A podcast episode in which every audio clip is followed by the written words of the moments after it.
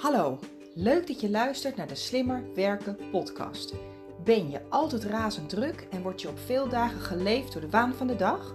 Voel je jezelf hierdoor vaak opgejaagd en gestrest en merk je dat dit in kosten begint te gaan van je gezondheid en je privéleven? Dat is niet nodig, want je kunt er iets aan doen. Mijn naam is Jennifer Boskeljon en met Werk Slimmer Niet Harder is het mijn missie om jou te helpen met het creëren van meer overzicht, controle en balans in je werk en je leven. In deze podcast deel ik slimme tips en inspiratie met jou, zodat ook jij kunt werken en leven met minder stress en meer plezier. En je uiteindelijk meer tijd en energie hebt voor dat waar je echt blij en gelukkig van wordt. Luister je mee? Ik heb er zin in. Hallo lieve luisteraar, welkom bij een nieuwe aflevering van de Slimmer Werken podcast. Uh, vandaag met een iets ander geluid dan je van mij gewend bent, want ik ben eventjes beneden in de woonkamer gaan staan omdat mijn dochter nog lag te slapen. En uh, ik ben ook nog eens een keer herstellende van een behoorlijke verkoudheid, dus uh, bij deze mijn excuses voor het misschien een beetje nasale en holle geluid. Um, waar ik het vandaag met je over wil hebben is werkplezier, werkgeluk en het nemen van controle over je eigen situatie. En ehm, de reden dat ik daar met je over wil praten is omdat het ook mijn thema was van afgelopen week. En ik was vorige week de hele week onderweg het land in, wat ik ontzettend leuk vind. Laat ik dat voorop stellen. Ik mocht uh, dinsdag een training geven in Voorde. Ik woon zelf eh, in de regio Amsterdam, dus dat was best een eentje rijden. Um, ik mocht onder andere donderdag een training geven in de gemeente Emmen. Maar het voelde als te druk. En het is heel gek dat op het moment dat uh, iets wat de ene week voelt als te druk, dat als de andere week later of een dag, een week daarvoor niet voelt als te druk. Maar vorige week voelde het voor mij echt als te druk. Ik kan ook nog niet mijn vinger opleggen waar het er precies in zat. Ik denk vooral in de weerstand van het idee van, oh, ik ben de hele maand oktober ben ik zo druk en deze week was ik weer druk en volgende week zat mijn agenda weer vol. En ik merkte dat ik gewoon geen plezier erin had. En niet dat ik geen plezier had in het geven van de trainingen en het uh, doen van uh, waar ik, nou ja, wat ik in ieder geval het allerleukst vind om te doen, maar wel alles eromheen. het heen en weer rijden, het ergens op tijd zijn. wat je trouwens op de achtergrond misschien hoort, is het, het snurken van mijn hond. Daar heb ik eigenlijk niet zo over nagedacht.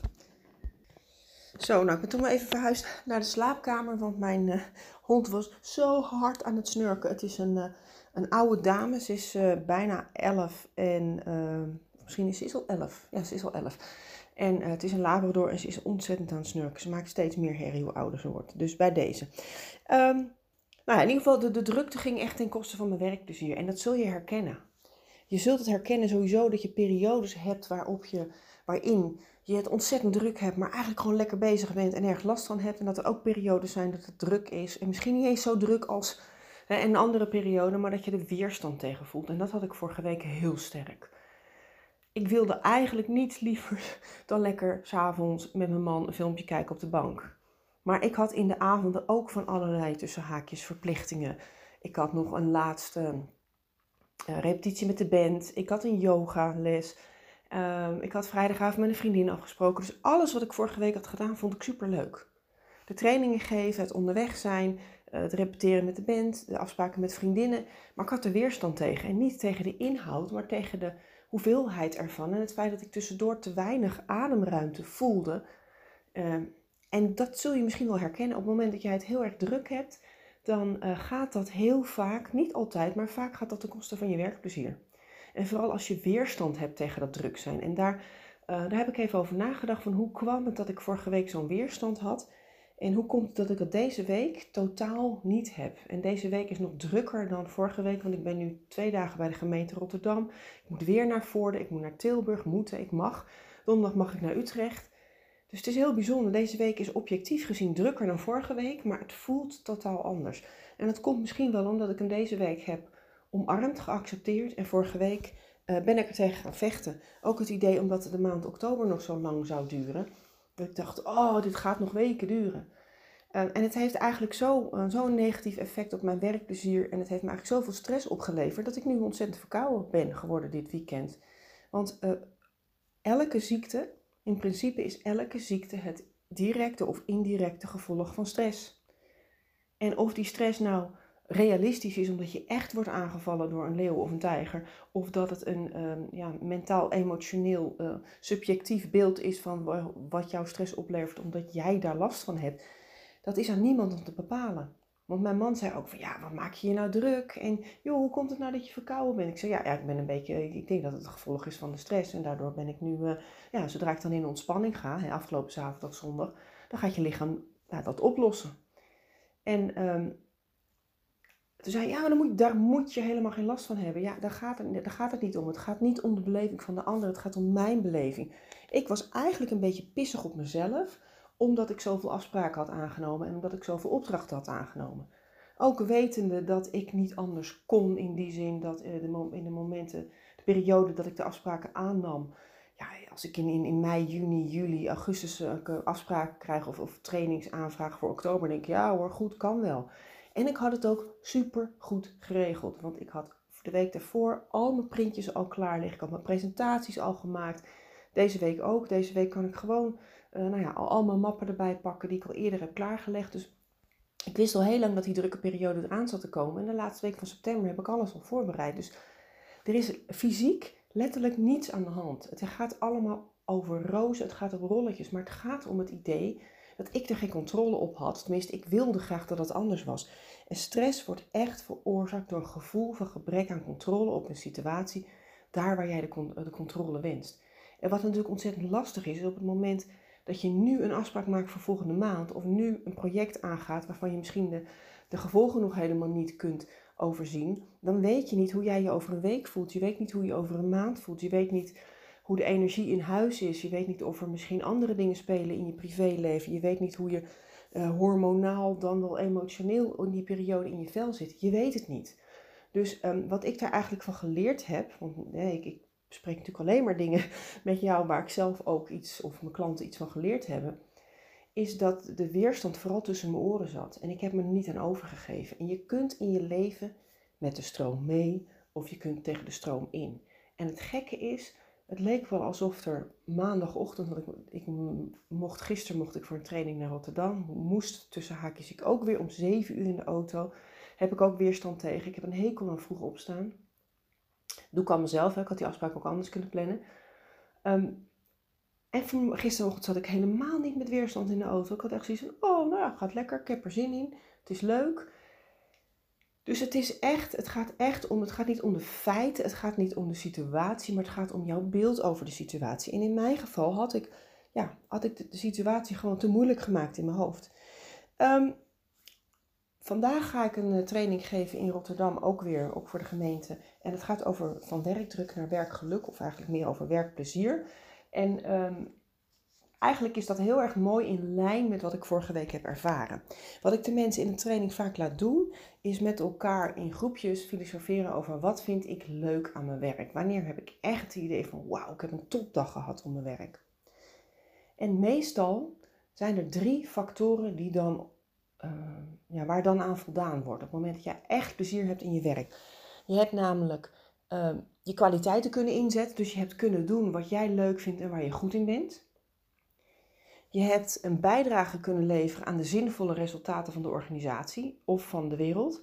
Dus ehm, in dit geval ga ik vanmiddag uh, mensen bij de gemeente Rotterdam, uh, die ehm, een team wat mensen coacht naar werk. Nou, die doen hartstikke zinvolle resultaten, een goede bijdrage aan de, aan de wereld of aan de mensheid. Of het hoeft niet zo te zijn dat je alleen maar iets zinvols moet doen waar andere mensen beter van worden. Al um, laatst hoorde ik een voorbeeld van iemand. Uh, die voelde zich eigenlijk een beetje schuldig omdat hij kasten maakte voor miljonairs. Van ja, en het is eigenlijk best wel nutteloos wat ik doe. En degene die die persoon interviewde, was ook een coach, was een, een filmpje op YouTube wat ik zag, die zei ook van ja, maar die kasten, die um, worden gemaakt van materiaal. Dat materiaal wordt betaald. Daar zijn andere mensen weer blij mee. Dus het feit dat een miljonair een kast van een ton koopt, betekent dat die ton in de economie vloeit en dat je daar ook de wereld indirect mooier mee maakt. Dus zo kun je er ook naar kijken. Als jij maatpakken verkoopt, nou prima, maar er zijn ook mensen die die maatpakken maken. Er zijn ook mensen die. Um, er is iemand die de winkel waar jij werkt schoonmaakt, die daar uh, geld aan verdient. Uh, er zijn mensen die. kleermakers die er geld aan verdienen. Er zijn organisaties of, of fabrieken die um, die de, de, de, de, dus de stoffen maken. Er zijn mensen die de pakken of de stoffen transporteren. Dus het is een hele keten waar iedereen baat bij heeft. Dus het is, er bestaat niet zoiets als een, een nutteloos werk. Dus in principe doen we dat allemaal. En uh, de derde pijler, dus je hebt je kwaliteit inzet en een bijdrage aan de zinvolle resultaten van de organisatie of de wereld. En de derde pijler is vrijheid en autonomie. En um, als we echt fijn aan het werk zijn, als we plezier hebben in wat we doen, dan zijn we in het meest ideale geval, kunnen we dat doen op onze manier, op de volgorde waarop jij dat wil, uh, inhoudelijk. Kijk, natuurlijk, je moet binnen kaders blijven, maar binnen die kaders mag jij in ieder geval uh, enigszins zelf uh, autonomie laten zien door zelf zelfstandig een aantal beslissingen te nemen. En die laatste pijler, um, dus de vrijheid en autonomie, die wordt beperkt als jij te veel werkdruk ervaart. Als je het druk hebt, wat ik dus vorige week had, mijn ervaring was dat ik vond dat ik het te druk had. Dus mijn vrijheid en autonomie waren beperkt. Want ik moest tussen haakjes naar de repetitie van mijn band. Ik moest naar yoga tussen haakjes. Ik moest naar mijn vriendin. Ik uh, moest in de auto's morgens om, in één geval zelfs om zes uur morgens, omdat ik om half negen in Vorden moest zijn. Wilde zijn, hè? maar ik moest het wel, want ik had het, ik had het toegezegd. Dus ik had, op dat moment voelde ik natuurlijk niet echt de keus. En, en die weerstand, die heeft zich vertaald in stress. En dat is, uh, ja, op het moment dat jij een micromanagende collega of manager hebt, heb je dat ook. Heb ik ook wel eens meegemaakt. Een, uh, een, een, een afdelingsmanager die uh, ten eerste heel buig was. Ik ben een gevoelsmens, dus daar ben ik heel gevoelig voor. Op het moment dat zij binnenkwam op de afdeling, wist ik al van, oh, het wordt zo'n dag. Of, oh, het valt mee. Ik was ook ontzettend veel verkouden in die tijd, hè, want ik had veel stress. Ik voelde me vaak aangevallen en opgejaagd. Um, en um, wat zij ook deed, was micromanagen. Zich met alle dingen bemoeien die haar helemaal niet aangaan gingen. Ze ging dingen checken. Heb je dat gedaan? Oh, ik hoorde van die en die dat dat nog niet gebeurd was. Dat zou jij toch doen? En dan zo lekker passief-agressief, uh, zo las ik dat dan. Hè. Um, zei ook alles over mij, want ik was vrij onzeker nog in die tijd. Ik was denk ik halverwege de twintig, eind twintig. En ik was nog iets minder, uh, ja, nou ja, in ieder geval, ik had, ik, had, ik had iets minder zelfvertrouwen in dat mijn besluiten en mijn beslissingen en wat ik doe en de inhoud van mijn werk kwalitatief goed is. Ik was nog iets meer afhankelijk van goedkeuring van anderen. Maar daar had ik ontzettend veel last van. En ik voelde toen heel veel stress en ik vond mijn werk toen ook lang niet zo leuk. Terwijl um, de andere twee pijlers, een bijdrage aan zinvolle resultaten en mijn kwaliteit inzetten, over het algemeen best wel uh, nou ja, daar, daar werd best wel aan voldaan. Ik deed wat ik leuk vond en waar ik goed in was. Kijk, dat dat nu beter is. Kijk, als ik een training ga geven, dan kan ik echt mijn kwaliteiten inzetten. En heb ik echt het gevoel dat ik een bijdrage lever aan zinvolle resultaten. Ik had uh, afgelopen woensdag had ik 70 huisartsen in een groep. Dat was dan in Vorden. En die mensen die waren gewoon allemaal overspannen. Oh, niet allemaal, dat is een beetje overdreven. Een groot gedeelte was overspannen en overwerkt. En er kwamen een aantal achteraf naar me toe van dat ze het ontzettend fijn vonden om gewoon even te horen en te merken dat ze er niet alleen voor staan. Dat ze enigszins invloed kunnen uitoefenen, dat er perspectief is. Ehm, dat ze keuzevrijheid hebben, dat er toch dingen zijn die ze kunnen doen om hun situatie te verbeteren. Nou, dan is mijn dag en week eigenlijk al helemaal goed. En dan is het super jammer dat ik eigenlijk met de pest in mijn lijf tussen haakjes naar huis reed. Maar die idee, ah, oh, ik zo druk, ik moet morgen weer een training geven. Ik wil naar huis. Dat is eigenlijk super zonde. Dus wat ik daar voor mezelf van geleerd heb, en die les wil ik jou natuurlijk meegeven, dat inzicht. Um, alles is altijd zo erg of zo goed als dat jij het ervaart. En niemand zegt hoe jij iets moet ervaren. Dat kun je alleen zelf ervaren. Maar je zit, ja, jouw gedachten geven stress en die gedachten kun je beïnvloeden. Oké, ik ben weer even van huis, want het was weer een beetje rumoerig. Uh, maar je gedachten kun je beïnvloeden. En um, hoe jij denkt over jouw werk en over jouw situatie is echt puur persoonlijk. Dat kan niemand anders voor jou beslissen. Um, dus denk daar eens over na. Kun jij op dit moment uh, een bijdrage leveren aan zinvolle resultaten van de organisatie? Kun jij je kwaliteit inzetten en ervaar je voldoende vrijheid en autonomie? En dat is nou ja, waar je over na kunt denken. En als dat niet zo is, als een van die drie pijlers een beetje gammel is, kijk wat jij kunt doen om uh, je kwaliteiten beter te kunnen inzetten. Bijvoorbeeld door taken uit te ruilen met collega's of extra projecten op je te nemen. Of juist dingen die je niet leuk vindt, uh, ja, misschien wel te elimineren of te delegeren aan collega's. Of misschien wel uh, een Excel-sheet te bouwen of een nieuwe applicatie in te zetten, zodat je dat handmatig niet meer hoeft te doen. Want niks is zo saai als repetitief werk doen wat je niet leuk vindt. Ja, en niks is zo geestdodend. En soms is dat best wel even lekker. Ik vind het ook heerlijk om af en toe te stofzuigen. Of om een paar printjes te maken voor een training. En dan ondertussen lekker muziekje op te zetten. Er is op zich niks mis mee. Maar als je merkt dat het aandeel van deze geestdodende klusjes te groot is in je werk. Waardoor het ten koste gaat van je werkplezier. Of ten koste gaat van jouw bijdrage aan uh, de zinvolle, uh, zinvolle resultaten. Dan, uh, ja, dus, dus ten koste gaat van je toegevoegde waarde die je kunt leveren dan wil ik je aanraden om daar eens even naar te kijken. En die volgende pijler ook, hè, ehm, op het moment dat jij merkt dat wat je doet er niet toe doet of te weinig toe doet, ga daar ook over in gesprek met je collega's, met je manager. Van joh, we zijn nu van alles aan het doen, we zijn nu allerlei projecten aan het optuigen, maar alsjeblieft, waarom doen we dit? Wat is het positieve effect voor de organisatie? Wat is het positieve effect voor de klanten die we bedienen? Wat is het positieve effect voor de wereld? Um, uiteindelijk willen we allemaal dat wat wij doen ertoe doet. Zo heb ik ooit in het verleden ben ik als directiesecretaresse aan het werk geweest. Wat ik ontzettend leuk vond, want ik kon doen wat ik leuk vond en waar ik goed in was. Ik ben een, een, een niet een hele ja, ik ben meer generalist. Timemanagement is natuurlijk ook een heel generalistisch vakgebied, want het gaat, over, het gaat zowel over mindset, over psychologie, als over gewoon praktisch e-mail en plannen en dat soort dingen. Uh, dus ik ben over het algemeen generalistisch. En als, als directiesecretaris, waar ik, ooit begonnen ben op kantoor, was, ben je ook een generalist. Maar wat ik op een gegeven moment heel erg miste, en ik heb ook wat veel contact met mensen, vond ik ook belangrijk eh, maar wat ik op een gegeven moment miste, was dat bijdragen aan een zinvolle resultaat. Want er zijn periodes geweest waarin ik vergaderingen aan het notuleren ben de hele dag. Dus dan werkte ik bijvoorbeeld drie dagen en ik bracht mijn kindjes daarvoor naar de opvang toen ze nog klein waren. En uh, van die drie dagen was ik één hele dag aan het notuleren en bijna, nou ja, drie kwart dag aan het uitwerken. En ik vond dat op een gegeven moment niet leuk meer, want niemand las die notulen. En dat is echt het verschil. Kijk, als jij notulen maakt van een heel belangrijke vergadering waar daarna ook echt iets mee gedaan wordt. En de week daarna heeft iedereen het gelezen en iedereen heeft de actielijst ingevuld. En je vindt het überhaupt leuk om notulen te maken. Dan is het aan niemand om te vinden dat dat geen, dat dat geen nuttig werk is. Alleen ik had op een gegeven moment het gevoel, het idee dat het geen nuttig werk was. En daar gaat het om. Is, is het in jouw beleving nuttig werk? En uh, die vrijheid en autonomie is ook een dingetje. Op het moment dat jij het idee hebt dat je manager je micromanagt of dat um, ja, je te druk hebt en waardoor je dus eigenlijk geen vrijheid meer hebt, maar continu moeten, moeten, moeten en je continu heel hard aan het rennen bent, dan, uh, is, het, dan is dat een pijler waar je, uh, waar je naar mag kijken. Daar mag je echt naar kijken.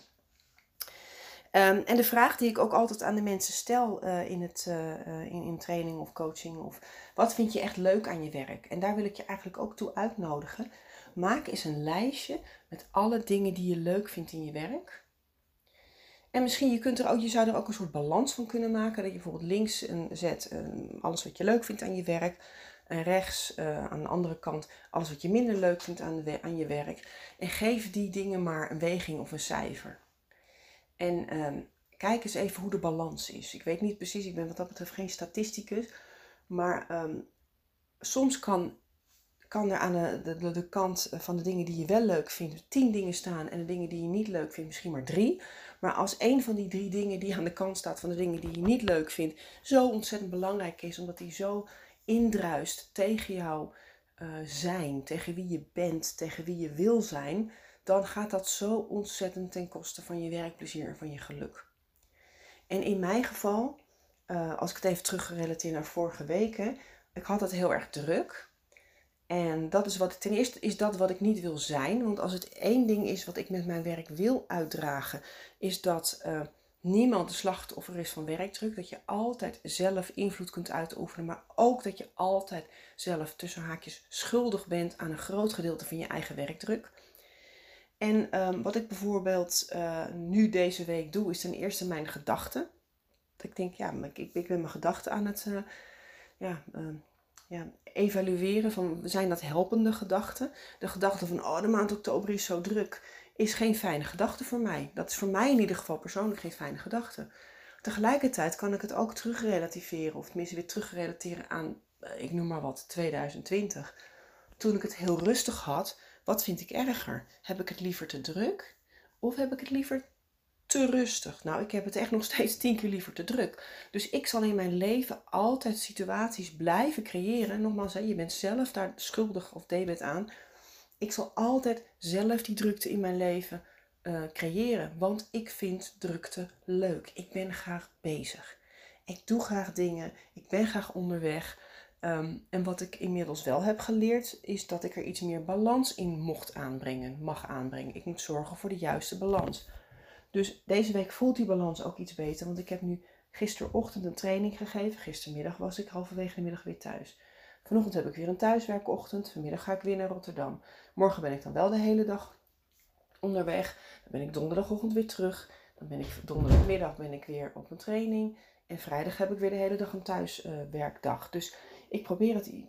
Het is letterlijk een soort cadans van drukte, ontspanning, drukte, ontspanning. Of in ieder geval, in mijn geval ook de juiste balans tussen onderweg zijn en het organiseren dat ik onderweg kan zijn. Bijvoorbeeld door mijn facturatie, uh, bijvoorbeeld door het maken van mijn printjes, het voorbereiden van mijn, uh, ja, het maken van mijn planning, het voorbereiden van mijn presentaties. Dus het zijn allemaal dingen die ook moeten gebeuren. En, er, uh, en ik vind het zelf persoonlijk niet leuk, niet meer in ieder geval. Tien jaar geleden toen ik net begon kon ik dat nog wel leuk vinden. Nu echt, echt niet meer.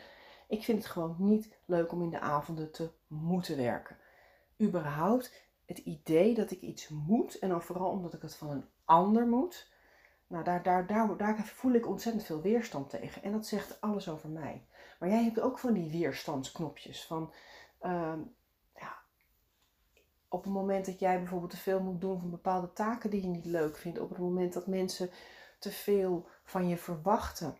Kijk, waar ik bijvoorbeeld geen last van heb. Ik heb niet dat andere mensen continu van alles van mij verwachten. Ik heb mijn leven zo ingeregeld dat ik... Uh,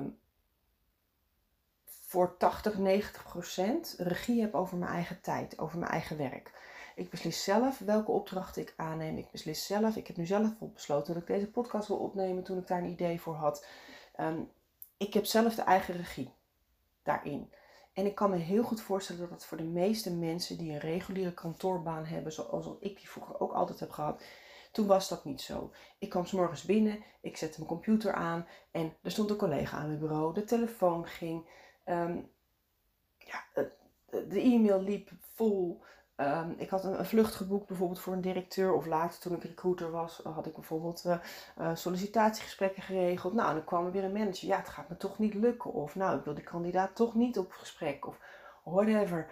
Het is, je hebt er niet 100% controle over. Als je geluk hebt in een beetje normale, reguliere werkomgeving, heb je misschien 20, 30, 40% invloed op je eigen tijd. Maar pak in ieder geval die invloed. En uh, zorg dat je uh, je eigen verwachtingen helder hebt. En dat je als, je als je je eigen verwachtingen managt, als je de regie hebt over wat jij wil, dus als je zicht hebt op wat jij wil, de regie pakt op wat jij, uh, waar je wel invloed op hebt. en in ieder geval ervoor zorgt dat je zo flexibel bent dat op het moment dat andere mensen dingen aan je vragen, dat je daarop kunt anticiperen. En dat voelde ik dus vorige week niet. Want op een gegeven moment ging, wat me eigenlijk met name frustreerde, op een gegeven moment ging de laptop van mijn oudste dochter ging stuk. En die laptop moest even naar de PC-dokter gebracht worden. Ik moest even, ik moest, ik had ervoor gekozen, want ik wil haar graag helpen. Uh, dus onderweg naar, uh, naar de trainingen en had ik beloofd om nog even langs hem te rijden. Nou, toen bleek dat hij het niet helemaal kon maken. Toen bleek dat we niet in konden loggen. Dus toen ben ik die vrijdagochtend, voordat ik naar een andere training ging, weer even langs gereden. Maar dan nu met mijn dochter mee. Want zij moest even met haar Iris, of met haar, ik geloof met haar, misschien met haar vingerafdruk, moest ze even de laptop openmaken, want ze was de code vergeten. Allemaal van dat soort kleine dingetjes. Het stelde allemaal niks voor, maar omdat ik al zo druk was en me al opgejaagd voelde, voelde dat het, oh ja shit, moet ik dat ook nog? Of jeetje, dat moet ook nog gebeuren. En dat gaf me eigenlijk die druk. Waardoor ik bijvoorbeeld ook, uh, toen ik op uh, vrijdagochtend naar een training ging, toen ging ik zelf een hele leuke trainingsdag ergens volgen. Toen had ik eerst mijn dochter bij de laptopdokter afgezet. Nou prima, dat was allemaal geregeld. Toen heb ik haar bij de, um, um, bij de um, uh, trein afgezet. En toen reed ik daarna naar mijn eigen training, die ik zelf zou volgen, was ik dus mijn trainingsmap vergeten. En dat was puur de stress, de spanning van, oh ja, we moeten op tijd zijn en straks gaat het niet lukken.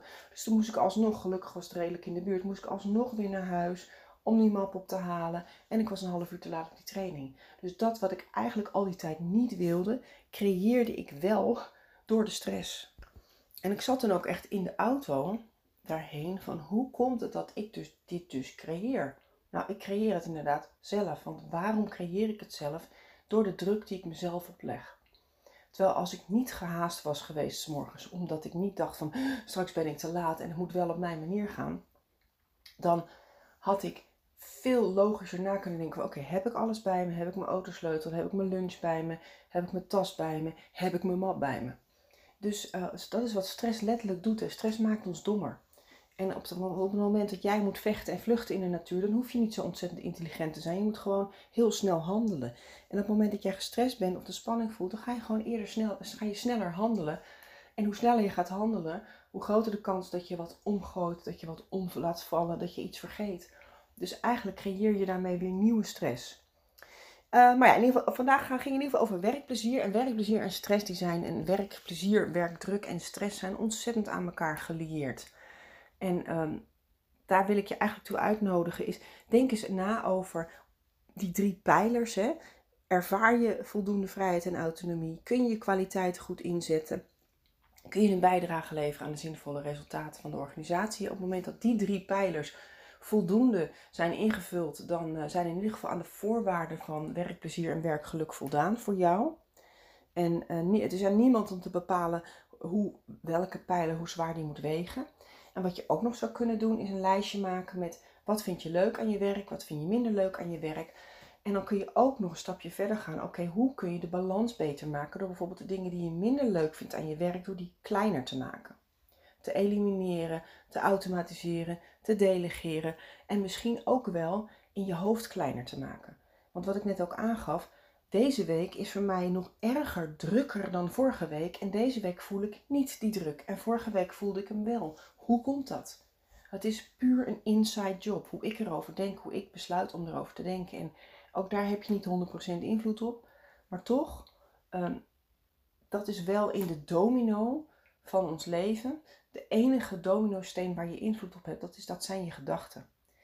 Je hebt namelijk een feit, is gewoon objectief neutraal. Er is een feit. Bijvoorbeeld, er de werkdruk die er is, de hoeveelheid projecten die er lopen, een collega die ziek is, uh, de, de, de, daadwerkelijke tijd die je tot je beschikking hebt om dingen te doen, dat zijn feiten. Daar heb jij gedachten over. Die gedachte geeft een emotie, die emotie zorgt dat jij op een bepaalde manier gaat handelen en die zorgt weer voor een reactie. Dus um, wat je op een gegeven moment krijgt is dat gedachten en emoties steeds negatiever worden, steeds negatiever. Zie je wel, zie je wel, zie je wel. En voor je het weet zit je in een self-fulfilling prophecy en zit je in een spiraal naar beneden. En in deze hele spiraal is er eigenlijk maar één onderdeel waar je invloed op hebt en dat zijn je gedachten. Dus ik heb mijn gedachten over de werkdruk die er heerst aangepast. En wat ik ook heb gedaan is deze week ook bewust geen avondafspraken, behalve de yoga-afspraken. Verder heb ik geen avondafspraken. En dat had ik vorige week wel. Dus ik had en druk op het werk en dan kom je thuis. En dan wil je ook nog natuurlijk even koken en een keer een wasje erin doen. En nou, dan wordt er ook nog eens een keer iets van je gevraagd. Uh, bijvoorbeeld om een laptop weg te brengen van iemand uit je gezin. Dus dan zijn al die extra dingen die eigenlijk normaal zijn, die worden dan extra en die komen er eens een keertje bovenop. Dus als je anders gaat denken, ga je anders doen. En deze week heb ik, doordat ik anders mee gaan denken, zo van, ach joh, uh, het is nou eenmaal tijdelijk en ik vind het superleuk dat ik druk ben. Ik ben liever wat drukker dan dat ik het te rustig heb. Uh, deze week ga ik gewoon lekker met de stroom mee. Ik kan erop vertrouwen, want ik heb alles goed voorbereid. Ik kijk op dit moment naar vier stapels met handouts voor de trainingen van deze week. Ik heb alles goed voorbereid. En dat, dat is het vooral. Er vertrouwen in hebben dat het goed komt. En op het moment dat je ergens vertrouwen in hebt, dan zul je meer met de stroom meegaan. Zul je minder stress ervaren. En focus je vooral op wat je wel leuk vindt. Want ik focus me nu deze week vooral op wat ik leuk vind aan mijn werk. Terwijl ik vorige week me vooral focuste op het idee dat ik het te druk had en dat ik dat dan niet leuk vond aan mijn werk. En dat ging ten koste van dat wat ik wel leuk vond. Oké, nou ik ga hem afronden, want ik merk dat ik toch de neiging heb om, uh, om veel te lang uit te wijden. Ik wil je ontzettend bedanken voor het luisteren. Ik uh, ga straks uh, lekker naar mijn training. waar ga ik vanmiddag ook alweer naartoe? Ja, vanmiddag ga ik naar de gemeente Rotterdam. Um, ik wil je ontzettende fijne dag wensen en Mocht je het leuk vinden en interessant vinden op woensdag, ik dacht op woensdag 31 oktober. Nee, ik zat helemaal fout. Op maandag 30 oktober eh, rond lunchtijd geef ik weer een gratis inspiratiesessie. Ik zal de link eh, in de show notes erbij zetten. Ehm, als ik het onthoud, maar dat ga ik zo gelijk even opschrijven, ga kijken of ik het blog wat ik heb geschreven, volgens mij ooit over um, werkdruk en werkgeluk en die driehoeken even bijvoegen als link naar mijn website. En ik wil je ontzettend bedanken voor het luisteren. Heel veel succes en ik wens je natuurlijk vooral heel veel werkplezier. Tot de volgende keer.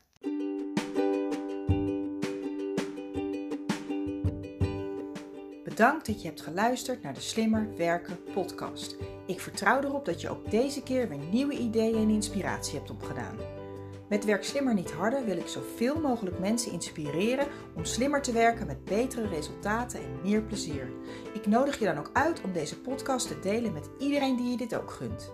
Verder zou ik het heel leuk vinden om van jou te horen wat deze aflevering je heeft opgeleverd en natuurlijk wat je ermee gaat doen. Stuur me dan een bericht of tag me op social media. En wil je nog meer tips en inspiratie? Kijk dan op wsnh.nl voor artikelen en downloads. Heel veel succes en graag tot de volgende keer.